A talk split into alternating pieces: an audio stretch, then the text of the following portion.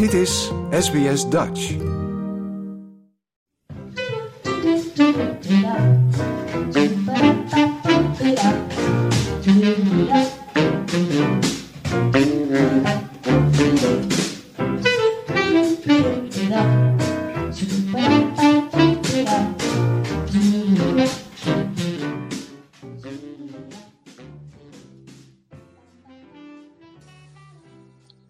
Over Elisabeth gesproken.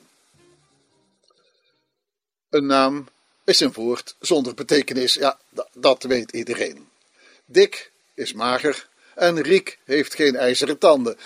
Maar een woord zonder betekenis probeert om dat vacuüm aan te vullen.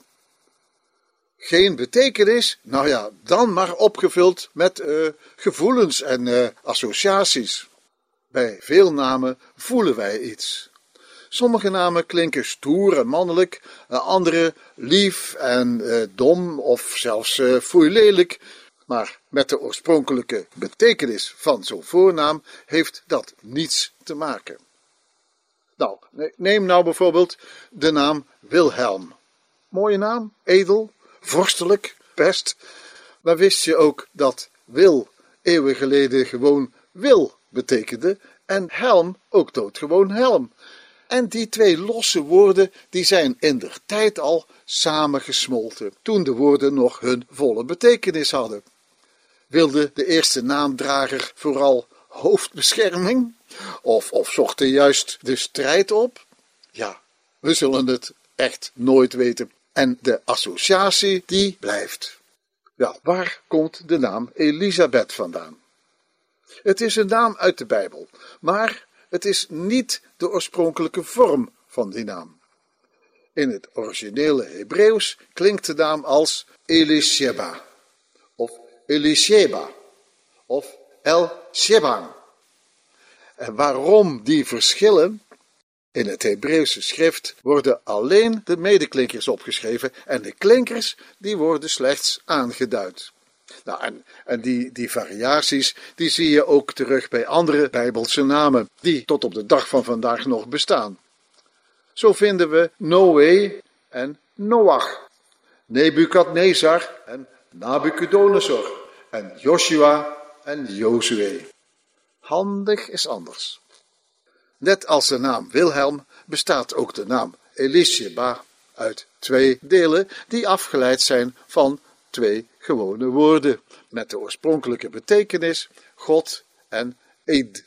En het is verleidelijk om de naam een samengestelde betekenis toe te kennen. Zoiets als God heeft gezworen of God is mijn eed of zelfs God is degene bij wie ik zweer. Maar ja, zulke verklaringen zijn wel erg onzeker hoor. Wel, wie was die hoogvereerde Bijbelse Elisabeth? Ze was een volle nicht van Maria en de moeder van Johannes de Doper. En zelfs was ze dus een tante van Jezus. Nou, de naam Elisabeth verspreidde zich al vroeg over heel Europa. Veel beroemde vrouwen kregen die naam. En ook in Nederland werd de naam heel erg populair in talloze inheemse of uitheemse vormen en klanken. Het voornaamwoordenboek van Van der Schaar geeft niet minder dan 117 verschillende afleidingen van Elisabeth. Nou, ik noem er een paar in, in, in bekende groepjes.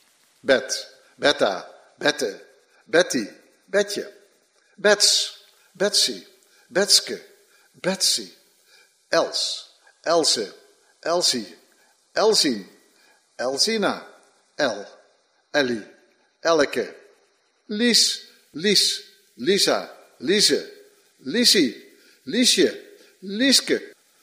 Maar, maar, maar let op, naast die bekende afleidingen vinden we ook nog veel onverwachte varianten, zoals Babette, Bas, Batty, B, Beitske, Belia, Beb, Bettina, Elsbe, Lei, Lijs, Lisette, Liete en Elspet en zelfs Isabel. Nou, neem nog even de naam Lijs of Lijsje. Lijs was in Nederland al in de middeleeuwen zo algemeen dat het woordenboek der Nederlandse taal ervan zegt: ter aanduiding van een meisje of een vrouw waarvan men spreekt zonder dat men zich om haar eigenlijke naam bekommert of zich daarvoor moeite geeft, of ter aanduiding van de jonge vrouw in het algemeen. En lijs is dus gebruikt in precies dezelfde betekenis als ons moderne griet, oftewel een grietje. Nou, de boodschap is wel duidelijk. Elisabeth in allerlei vormen is nog steeds een populaire meisjesnaam met talloze, zeer uiteenlopende afleidingen. Het zijn er zelfs nog veel meer dan ik hier uitstalde, want alleen al in mijn familie vind ik behalve Isa ook nog Is of Iske. Kun je nagaan wat er nog voor verborgen schatten van namen op ontdekking wachten. Nou, een naam is een woord zonder betekenis. Maar wat je ervan kunt maken, is een nog niet eerder vertoonde nevenvorm van een superpopulaire naam. Over Elisabeth gesproken. Ik dank u wel. Like, deel, geef je reactie. Volg SBS Dutch op Facebook.